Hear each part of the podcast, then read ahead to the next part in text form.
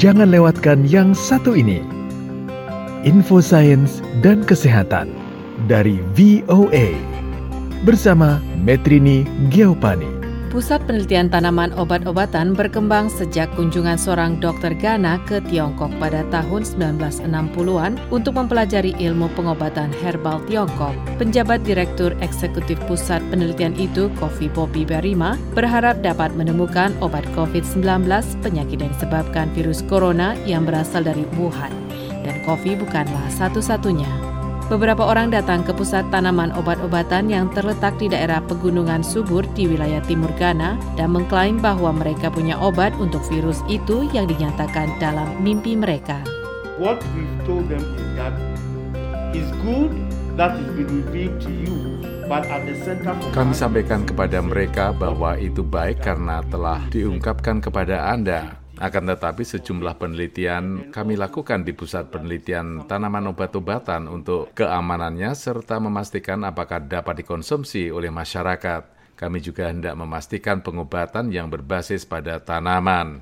Pada sejumlah laboratorium pusat, sejumlah peneliti itu menguji produk-produk herbal lokal untuk mengetahui apakah berpeluang membantu masyarakat di Ghana untuk melawan COVID-19. Sejauh ini produk-produk herbal yang direkomendasikan terkait dengan peningkatan kekebalan tubuh. Namun pusat penelitian itu juga mengetes dan merencanakan uji coba obat-obatan herbal terhadap virus itu. Demikian ilmuwan Alfred Ampoma Apia memaparkan. What we call phytonutrients or phytoconstituents Tanaman herbal memiliki apa yang disebut fitonutrien dan obat-obat herbal itu memiliki jangkauan luas sehingga mungkin dapat berkontribusi banyak bagi kesehatan.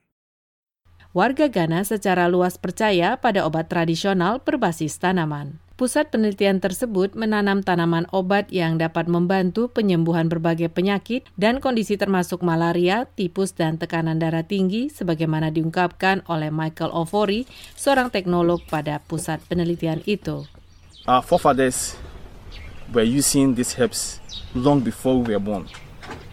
Nenek moyang kami menggunakan ramuan tersebut jauh sebelum kita dilahirkan, tetapi mereka tidak memiliki sarana ilmiah untuk meneliti dan banyaknya dosis tanaman yang diperlukan.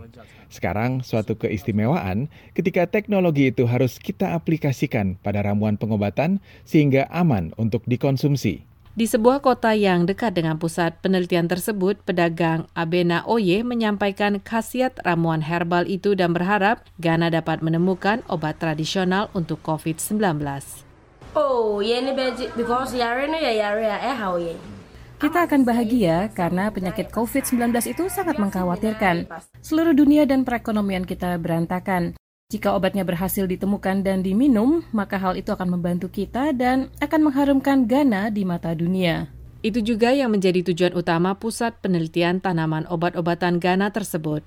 Namun upaya pengobatan apa pun menurut mereka harus bergantung pada sejumlah pembuktian secara ilmiah bukan hanya dari mimpi belaka. Metrini Giopani, Voice of America, Washington DC.